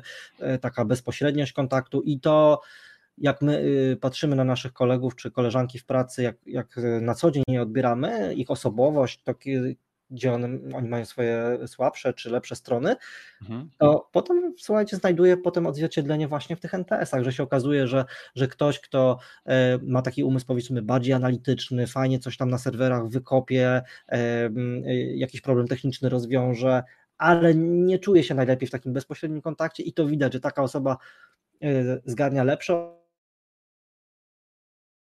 oceny przy odpowiedziach mailowych na bardziej złożone kwestie techniczne, a ktoś, kto jest taką no, bardziej duszą towarzystwa, e, fajnie się spełnia w bezpośrednich rozmowach, niekoniecznie mając taką najgłębszą wiedzę mhm. techniczną, no to z kolei zgarnia lepsze mhm. oceny na, e, na czacie czy, czy telefonie. Tak, ty, ty podajesz tu przykład bardzo zdrowej organizacji. Jeżeli faktycznie wiesz, ty myślisz pod kątem tego, gdzie ktoś się sprawdzi, starasz się tak indywidualnie podchodzić, tak. to jest super, tylko to jest stosunkowo rzadkie. Kłopot z MPS-em jest taki, że ludzie potrafią go używać jako wytrycha. Z gatunku masz punktację 30 w tym miesiącu, ups, pojedziemy ci po premii, bo, bo, bo już. Nie no myślą tak. o tym, jak o narzędziu, na którym możesz ty optymalizować performance. Znowu, wiesz, to to pokazuje, jak ty głęboko podchodzisz do mhm. tego MPS-a. On u ciebie jest trochę taką, taką alfą i omegą po prostu y, i ty używasz tego do bardzo wielu tasków, tylko robisz to z głową. A, mm. a problem z NPS-em polega na tym, że to pierwsze zdanie właśnie, które wypowiedziałeś dzisiaj odnośnie NPS-a, że to jest jedna metryka, którą łatwo pokazać i wydaje się, że łatwo zrozumieć, ono wydaje mi się fałszywe, bo im dłużej mm. rozmawiamy, tym więcej rzeczy robi ten twój NPS i tym bardziej to nie jest jedna liczba, którą się łatwo rozumie. A, I tak. teraz w sytuacji, w której ktoś w której hmm. ktoś, e, wiesz, patrzy na tą liczbę, słucha ciebie i widzi tylko to jedno zdanie, które jest napisane w każdym artykule, MPS to jest jedna metryka, która pokazuje, jak zadowoleni są klienci i weźmie je sobie do serca, to z tego dzieją się straszne rzeczy. Wiesz, teraz ty mi to rozwinąłeś, tak. okej, okay, to ma sens. Nadal wiesz, nie wiem na ile to jest kopiowane do innych biznesów. Intuicja hmm. podpowiada mi, że to wymaga skali, to wymaga wyczucia i to wymaga mindsetu, który może być charakterystyczny dla niewielkiej ilości ludzi. Mhm. Akurat on tobie bardzo przypasował, bo to co, to, co ty mi tu opowiadasz, to jest zdrowe, to jest porządne i to działa. Jak jeszcze dorzucisz confidence interwały, to w ogóle będzie super. Ale teraz wiesz, wyobrażam sobie jakby inną dużą firmę, 2000 pracowników, z czego 1000 pracuje w obsłudze klienta, no i jak chcą ocenić klienta, co robią? Biorą MPS-a i patrzą, kto ma ile, robią rankingi i na tej podstawie przydzielają, yy, przydzielają premię albo pensję. I to już nie jest zdrowe. No, mhm. Także bardziej o tym w ten sposób myślę. Okej. Okay. No słuchajcie, e, ja myślę, że e, e, obaj mamy rację, nie? bo faktycznie to, co Michał mówi, jest ta pułapka myślenia, że to jest tylko jedna liczba i łatwo, łatwo popłynąć nie, z tą liczbą, tylko kiedy właśnie zaczyna się, ja, ja, się przekonałem, że można z niej zbudować naprawdę bardzo fajne elementy i takie wewnętrzne, super, nie, nie, używaliśmy tego w ale tak mi się spodobała ta twoja gwiazda polarna, że pożyczę sobie. Spoko, North Star Metric to takie dość modne, dość modne od kilku lat w analityce. No, ale, ale to, jest, to jest fajne określenie. No, tutaj do nas akurat super przypasowało. To jest bardziej właściwie taki sposób myślenia niż traktowanie tego faktycznie jako e, takie narzędzie czysto analityczne, czysto, mhm. czysto badawcze. Nie? Ja bardziej to postrzegam jako taką filozofię biznesową mm, niż, niż jako narzędzie. Ja myślę, że może jeszcze na, na koniec przejrzyjmy czata, bo tutaj się pojawiło. To, to I czata i jeszcze były tak, pytania, mamy pytania przed. Tak. Także może trochę polecimy po tych pytaniach, okay. bo y, pytania się już pojawiły nawet wtedy, kiedy ogłosiliśmy webinar i między innymi, to może ja zacznę w takim razie, co tutaj mam zapisane. Y, od, od Jacka pytanie, znaczy pytanie właściwie to był komentarz, który się pojawił na LinkedInie i, i on napisał tak, to było skierowane tutaj do Artura przede wszystkim, nie? że w Polsce to nie jest dobre narzędzie, bo większość nie robi faktycznie NPS-a, tylko jakiegoś potworka typu oceń nas od 1 do 10. Dobrze zrobione badanie i właściwa metryka jest tutaj kluczem ale pytanie NPS nie jest równoznaczne z badaniem NPS. Mam nadzieję, że o tym powiecie na webinarze. No to y, spełniamy to coś było, coś, coś było o tym. jak, jak no, to rozumiecie? Jak, to, jak rozumiecie tutaj? Coś o tym było, nie? No, czy myślę, że faktycznie, bo y, dużo osób w ogóle nie zwraca uwagi na, na samo brzmienie pytania i mhm. I faktycznie, jak nas oceniasz, i że jest tylko ta skala od 0 do 10, bo ktoś ją gdzieś zobaczył kiedyś i tak sobie skopiował, bo mu się wydawała fajna, no to faktycznie jest to jakiś rodzaj badania, ale nie możemy nazwać to badaniem NPS-owym, no bo jednak e, ono ma swoją gdzieś tam genezę i, dosyć jasno zostało powiedziane, jak to pytanie powinno brzmieć e, i jaka powinna być do niego skala, więc rzeczywiście stosowanie skal, które wyglądają podobnie, ale pytania są sformułowane zupełnie inaczej, no będzie nas prowadzić do jakby na manowce, nie? Zupełnie to nie, nie, nie da się już nic z tego mm, przy, przyrównać i, i jakiekolwiek e, e, odpowiedzi uzyskamy, to porównywanie ich nie wiem, do jakichś benchmarków branżowych, no to już nie będzie miało sensu, nie? To, to mhm. żadnego. Tak, tak. MPS jest po prostu ściśle zdefiniowaną metryką, to jest tak. jedna z jej podstawowych okay. zalet założycielskich, jakby o to chodziło w MPS-ie, więc jak zaczynasz tak. modyfikować to pytanie, to przestaje być MPS, no, po prostu. Okej, okay, okej, okay, no to to mamy. Mamy też pytanie też właśnie przedwebinarowe e, od Anety e, i ona w ogóle opowiedziała taką, taką historię, bo rozmawialiśmy chwilę, e, nie tylko w komentarzach, też w wiadomościach prywatnych i ona jest, jest projektantem i, i mówi tak, nie, I, i wprowadzamy teraz właśnie ankiety w firmie, nie, jest NPS, jest CSAT, jest Customer Effort Score i dyskusje są teraz między Product Teamem a Customer Success, oni też mierzą NPS i CSAT i wywiązała się podobno tutaj dyskusja, jak synchronizować ankiety pomiędzy zespołami, pomiędzy zespołem produktowym a customer success. I żeby nie przytłoczyć klientów, jak często je wypuszczać, czy mogą się dublować mhm. te, te ankiety między jednym a drugim zespołem, co o tym sądzicie? Zatrudnijcie analityka raz na kwartał. To są moje dwie odpowiedzi. Okej, okay. krótko, ale treściwie. Tak, no ja, ja jeszcze dorzucę, że rzeczywiście zarzucenie klienta zbyt dużą e, tutaj ilością wszelkich pytań, ankiet i, i badań e, często jest męczące. E, my również prowadziliśmy pewne zabezpieczenia, na przykład aplikacja nasza, którą tutaj stworzyliśmy tak mocno pod nasze potrzeby, ma coś takiego jak grey listing, czyli mechanizm, który dba o to, żebyś zbyt często nie dostał tego pytania, bo zdarza się, że ktoś może na przykład mieć sprawę, ja już to powiedziałem, zawsze po każdej interakcji z obsługą klienta. No ale co jeśli piszesz coś do supportu i za tydzień w innej sprawie coś piszesz i zaś za kolejne trzy dni znowu coś napiszesz, nie? no to się mm -hmm. może mhm. zdarzyć. Więc żebyś jakby no, nie był było rozwiązanie takie, Aneta mówiła, że y, stwierdzili gdzieś tam w zespole tak, że muszą to robić rzadziej mm. nie? i chcą to robić raz na pół roku, y, tak żeby, y, żebym ja puszczała z produkt teamu, a oni od siebie, bo, bo to jest tak, że produkt team w samym produkcie pyta, a mm. customer success puszcza w mailach i taki mieli, e, taką mieli receptę na to. Okej, okay. znaczy co do zasady tak statystycznie, chcesz najczęściej jak to jest możliwe i wydaje mi się, że najczęściej jak to jest możliwe, żeby to miało reszt, szczątki sensu, to jest raz na kwartał, to zresztą jest e, proponowane na przykład w Google, nie jest sobie framework do badania szczęścia użytkownika e, Google'a, HATS się nazywa ten framework i oni mówią raz na kwartał to jest, to jest optymalny czas, także na to się tutaj powołuje, ale też doświadczenie by wskazywało, że to jest dobre. No i dwa, jakby to warto zsynchronizować, bo następuje zjawisko, kiedy wypełnia się dużo ankiet, ślepoty na ankiety z jednej strony, z drugiej zmęczenia ankietami. Ludzie przestają odpowiadać tylko dlatego, że po prostu mają poczucie, hej, odpowiadałem na to przed chwilą, ile można. No Więc tak. to, co warto robić, to znaleźć dobry przedział, przy którym ten response rate jest jakby optymalny, czyli jest taki, że wyższy już nie będzie. Wydaje się. A to robiłbyś to tak co kwartał, że raz jeden tak. zespół, tak? Tak, wręcz... success w pierwszym kwartale, eee... produkt w drugim? Tak, Okej, tak, tak. okej. I wtedy można to tak podzielić. Natomiast wiesz, gdybym był analitykiem, to to, co bym, to, co bym zrobił, to tam analitykiem, to co bym zrobił, to bym stworzył system, w którym masz po prostu scentralizowaną wysyłkę, wysyłkę NPS-a i jest zrobiony twardy limit. Jeżeli w ciągu ostatniego kwartału użytkownik otrzymał NPS-a, nie wysyłaj mu NPS-a. Jeżeli nie, to wyślij i po prostu kto pierwszy, ten lepszy. Jeżeli No, akurat dokładnie customer tak. success jest pierwszy, no, no, no I to tak jest. właśnie to, podobnie właśnie zrobiliśmy my, że mamy akurat 60 dni mamy ustawiony taki o, okres karencji, e, że, że no, to jest już blisko tego kwartału, e, powiedzmy, o, o, o którym wspominasz. E, to arbitralnie wybraliśmy, że to wydawało nam się dosyć sensowne i tak się tego trzymamy. Okej, W naszym wypadku się sprawdza, ale to też nie jest jedyna ankieta, którą nasi klienci dostają. I też właśnie jest kwestia czasami, kto, kto pierwszy. No, Jakby w różnych momentach różne pytania zadajemy klientom, nie tylko, nie tylko o NPS-y. Y, Natomiast y, ja myślę, że tak bezwzględnie wcale nie musi być mm, to takie aż strasznie kłopotliwe. Jeśli mm, zadajemy kontekstowo jakieś pytanie i próbujemy coś zbadać, i akurat emocje tego użytkownika w danej chwili będą, nazwijmy to, odpowiednio wysokie, mm, związane merytorycznie z tym, o co my go pytamy, to on nie będzie tego traktował jako spam. On może nam chętniej na to odpowiedzieć, tak? Czyli przykładowo e, kiedy skorzystał z jakiejś funkcji e, w aplikacji, powiedzmy, czy, czy w jakimś produkcie, i my go po chwili pytamy o coś związanego z tą funkcją, że na przykład chcemy ją zrobić lepiej, na ile ona spełnia oczekiwania i tak dalej, a dlaczego w ogóle jej użył i tam, no nie wiem, możemy sobie wymyślać tam teraz różne scenariusze, ale jeżeli on, akurat jej użył przed chwilą, e, no to może to traktować nie jako spam, tylko jako coś faktycznie ważnego dla niego tu i teraz, bo on aktywnie z tego okej, e, okej. skorzystał, nie? Więc wtedy nie będzie to aż takie ważne, czy to jest tylko raz na kwartał, no ale faktycznie no, no gdzieś tam ten zdrowy umiar trzeba e, zachować. Kwartał mi się też wydaje sensowny. Mówię, my mamy 60 dni, działa nam to dobrze, e, nie mamy żadnych skarg, że za często są te, te ankiety, to, to, to nie spotykamy czegoś takiego. Także, e, także myślę, że tak w tych rejonach się poruszajmy. Okej, mamy już godzinę 15, ale mamy jeszcze trochę pytań, także pozwólcie, że jeszcze je zadamy.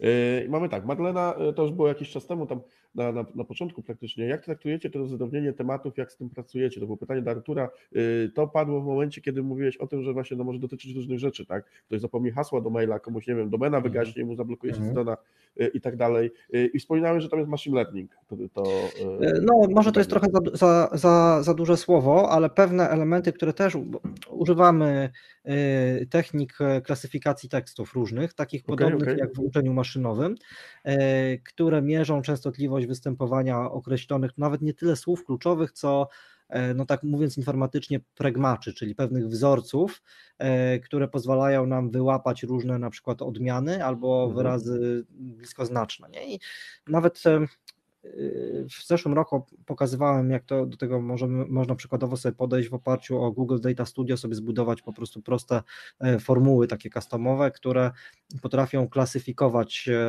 treści i żeby wyłapać e, do, do jakiej kategorii w ogóle dana wypowiedź może należeć, czego ona może dotyczyć. No i to jest na przykład, jeśli e, są e, słowa typu wsparcie, support, obsługa, konsultant i tak dalej, no to one w dużym stopniu będą się odnosiły do obsługi. Jeżeli są słowa typu, nie wiem, promocja, cena, warunki i tym podobne, to zazwyczaj do ceny. Jeżeli awaria, niedostępność i, i tym podobne, no to do jakichś spraw technicznych załóżmy, nie? Więc Mhm. szukamy sobie pe- pewnych, mm, pewnych e, takich e, wyrazów nacechowanych e, jakimś znaczeniem, które jeśli je wykryjemy, ale mówię to, żeby jeszcze uwzględnić język polski, no to nie jest takie proste, bo różne tam końcówki trzeba brać pod uwagę, No jasne, no to, jasne. no to sobie Mhm. takie klasyfikatory możemy stworzyć i, i w ten sposób wiedzieć, e, co się odnosiło mniej więcej do obsługi, do, do, do cen, do, do, do nie wiem, co dotyczyło faktur czy poczty. E, Super nam się to sprawdza nie tylko przy samych e, NPS-ach, ale w ogóle przy zgłoszeniach klientów, żeby wiedzieć na przykład ile zgłoszeń dotyczy poczty, ile dotyczy faktur, y, ile dotyczy tego na przykład zapomnianego hasła, y, nie wiem, certyfikatu SSL czy czegoś tam innego. Nie? To jest super, Jasne, jasne. super sprawa, nie? bo ła- łatwo potem sobie kierować to właściwie do, do takich osób, które najszybciej dan, dany problem mogą rozwiązać. Mhm. A nawet używaliśmy tego do projektowania stron www, bo jeśli wiedzieliśmy na iluś tam tysiącach zgłoszeń, o co ludzie pytają najczęściej, to my wiemy, że projektując system pomocy, fajnie, żeby te rzeczy No, były... tu tego brakuje po prostu. Tak. Mhm. Tak, żeby one były gdzieś tam wysoko Jasne, i łatwo do, do, dostępne. Nie? Także takie klasyfikatory treści nie są bardzo skomplikowane informatycznie, a, a bardzo się przydają. Hmm. Okej, no to idziemy dalej. Tutaj mamy kolejne pytanie. To jest cała seria takich pytań, można powiedzieć, w jednym poście, ale tak, jak odkryć trendy w opiniach klientów? No chyba trochę było odpowiedziane teraz, nie? Tak, znaczy wiesz co, ja też, e, ja też mogę o tym powiedzieć ze strony statystycznej, bo to jest tak naprawdę to. E, To jest, to jest wiesz, czysto statystyka. Jak odkryć trendy w opiniach klientów? Używajcie przedziałów ufności. Jeżeli dwa wyniki, jeżeli kolejny wynik, e, jak z tego korzystać, jak masz przedział ufności od 15 do 35 punktów, nie? To jeżeli twój wynik był teraz 25, ale tak naprawdę jest gdzieś między 15 a 35 i wynik, który uzyskasz na przykład w kolejnym miesiącu, kwartale, plasuje się gdzieś między 15 a 35, znaczy, że nic się nie zmieniło. Kropka. Nieważne, co się wydaje, nieważne, jak to wygląda. Nic się nie zmieniło, bo jakby przez przypadek dostałeś te rezultaty. Ale z kolei, jeżeli jest dużo niższy lub dużo wyższy, czyli po, wychodzi poza te przedziały ufności, to wtedy możemy mówić o jakimś spadku albo o jakimś wzroście. Czyli to jest, to jest pierwsza rzecz. Oczywiście im więcej, e, im więcej NPS-ów, tym bardziej wrażliwy jest ten, to na trendy. E, Także to jest to. Co zrobić, żeby nie uśpić czujności przy super wynikach NPS? E, Nie trzeba robić nic. Uważajcie na response rate, bo możecie przez przypadek zniechęcać ludzi do dawania wam niskich NPS-ów albo vice versa. Także tutaj trzeba uważać na to, że ludzie przestają wam odpowiadać, po prostu nie chce im się, e, nie chce im się odpowiadać e, na niskie rezultaty, albo wy nie dajecie NPS-ów w sytuacji, która może frustrować użytkownika. Po prostu przez przypadek możecie dawać tylko w sytuacjach, które są pozytywne dla użytkownika. W przypadku gry komputerowej tylko po wygranej grze, bo komuś zależy na wysokim NPS-ie, nie? I tak dalej, i tak dalej. Także, żeby nie uśpić czujności, uważajcie na procesy, których używacie e, i sprawdzajcie przedziały ufności. E, Dalej, czy jeżeli większość klientów odpowiada, że poleciliby nasze usługi, to znaczy, że naprawdę jesteśmy świetni, sprawdźcie przedziały ufności i mierzcie histogramy. Jeżeli dowiecie się, że jesteście kontrowersyjni, czyli macie rozkład bimodalny i on jest mocny, czyli macie dużo ludzi na zerze, dużo ludzi na dziesiątce, to może nie jesteście świetni, ale jesteście kontrowersyjni i to już jest ciekawa strategia marketingowa. Także e, jeżeli większość klientów odpowiada, że poleciliby usługi i chcecie się dowiedzieć, czy naprawdę jesteście świetni, czyli jeżeli chcecie poznać odpowiedź, czy jesteście świetni, zapytajcie ludzi, czy jesteście świetni, zapytajcie ich o to wprost, nie? MPS, jak wydaje mi się, to już jest dość jasne, nie odpowiada wprost na pytanie, czy jesteście dobrym produktem. Zapytajcie ludzi, czy jesteście dobrym produktem, jak oceniasz nasz produkt. Dobrze, źle, ani dobrze, ani źle. No, ja E, tutaj jeszcze, aha, przepraszam, jeszcze... e, Tak, bo jeszcze jest ostatnie pytanie z serii, więc chciałem dokończyć. Bo ja do tego pytania mogę jeszcze Dobra. teraz?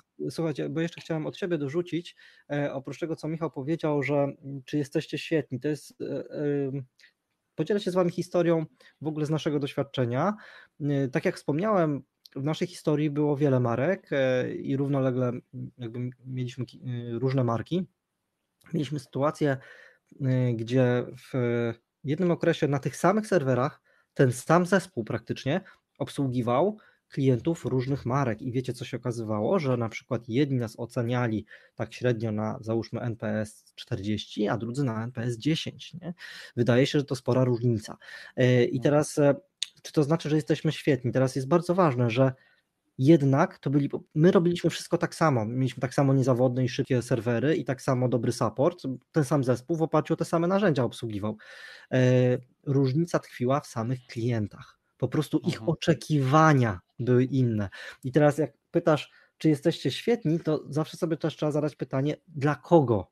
Nie? Czy, e, czy, czy jesteście świetni, to zawsze jest takie trochę pytanie, czy jesteśmy świetni dla tych, dla których chcemy być świetni, nie? czy to jest ta właściwa grupa docelowa, bo to, że w danej chwili mamy NPS-a lepszego czy gorszego, to jest ocena o, o jakiejś tam grupy ludzi, którzy mają swoje oczekiwania nie? i e, nie każdy musi oczekiwać tego samego, więc e, możesz e, być kimś świetnym dla osób, które oczekują nie wiem, najniższych cen, a może być kimś świetnym dla kogoś, kto oczekuje najlepszej jakości, nie? I teraz pytanie, jak to Mhm. pogodzić, nie? Więc e, zawsze sobie warto wa- zadać pytanie, e, kto nas ocenia, nie? I czy to jest na pewno ta grupa docelowa, na Tak. której opiniach nam naj, najbardziej zależy. Tak, i przy okazji tutaj poruszasz ciekawy temat. y, Trudne słowa w pytaniach badawczych. y, Słowa, które są subiektywne, które są rozmyte. Świetnie jest jednym z takich słów. Jak zadajecie takie pytanie, zastanówcie się, co to dla Was znaczy świetni i zapytajcie o to, czy świetnie oznacza wysoką jakość usługi, czy świetnie oznacza wysoką satysfakcję, czy jeszcze coś innego. Tak? Także to w tę stronę bym szedł wtedy. E, No i czy da się to jeszcze w jakiś sposób zweryfikować? Tak, myślę, że dość szeroko mówiliśmy o tym, jak w inne sposoby to weryfikować.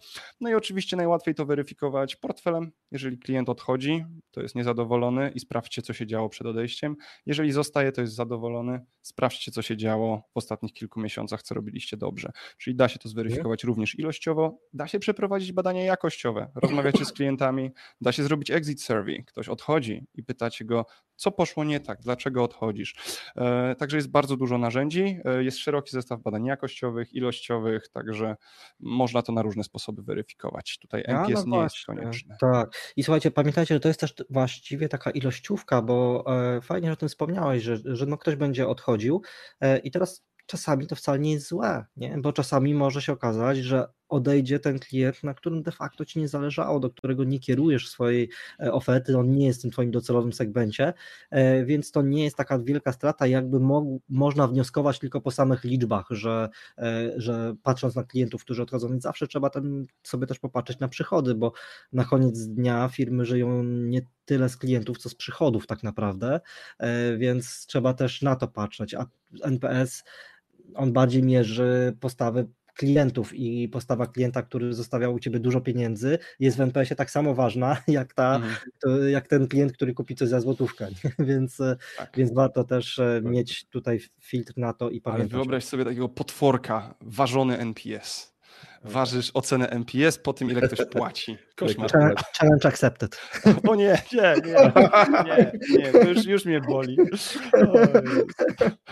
Teraz tak, dobra, bo widzę, że kolejne pytanie. No właśnie, co okazuje się lepsze dla organizacji badanie satysfakcji czy MPS? Dla Cyberfolks ja nawet nie chcę mówić. Ale gdybym miał mówić w ciemno, gdybym miał mówić w ciemno, bez całej machinerii dookoła, po prostu chcesz zrobić ankietę i dowiedzieć się, jak ci oceniają klienci, wziąłbym badanie satysfakcji 99% przypadków. E, to jest, to jest jakby moja, moja opinia dotycząca odpowiedzi na pytanie w ciemno.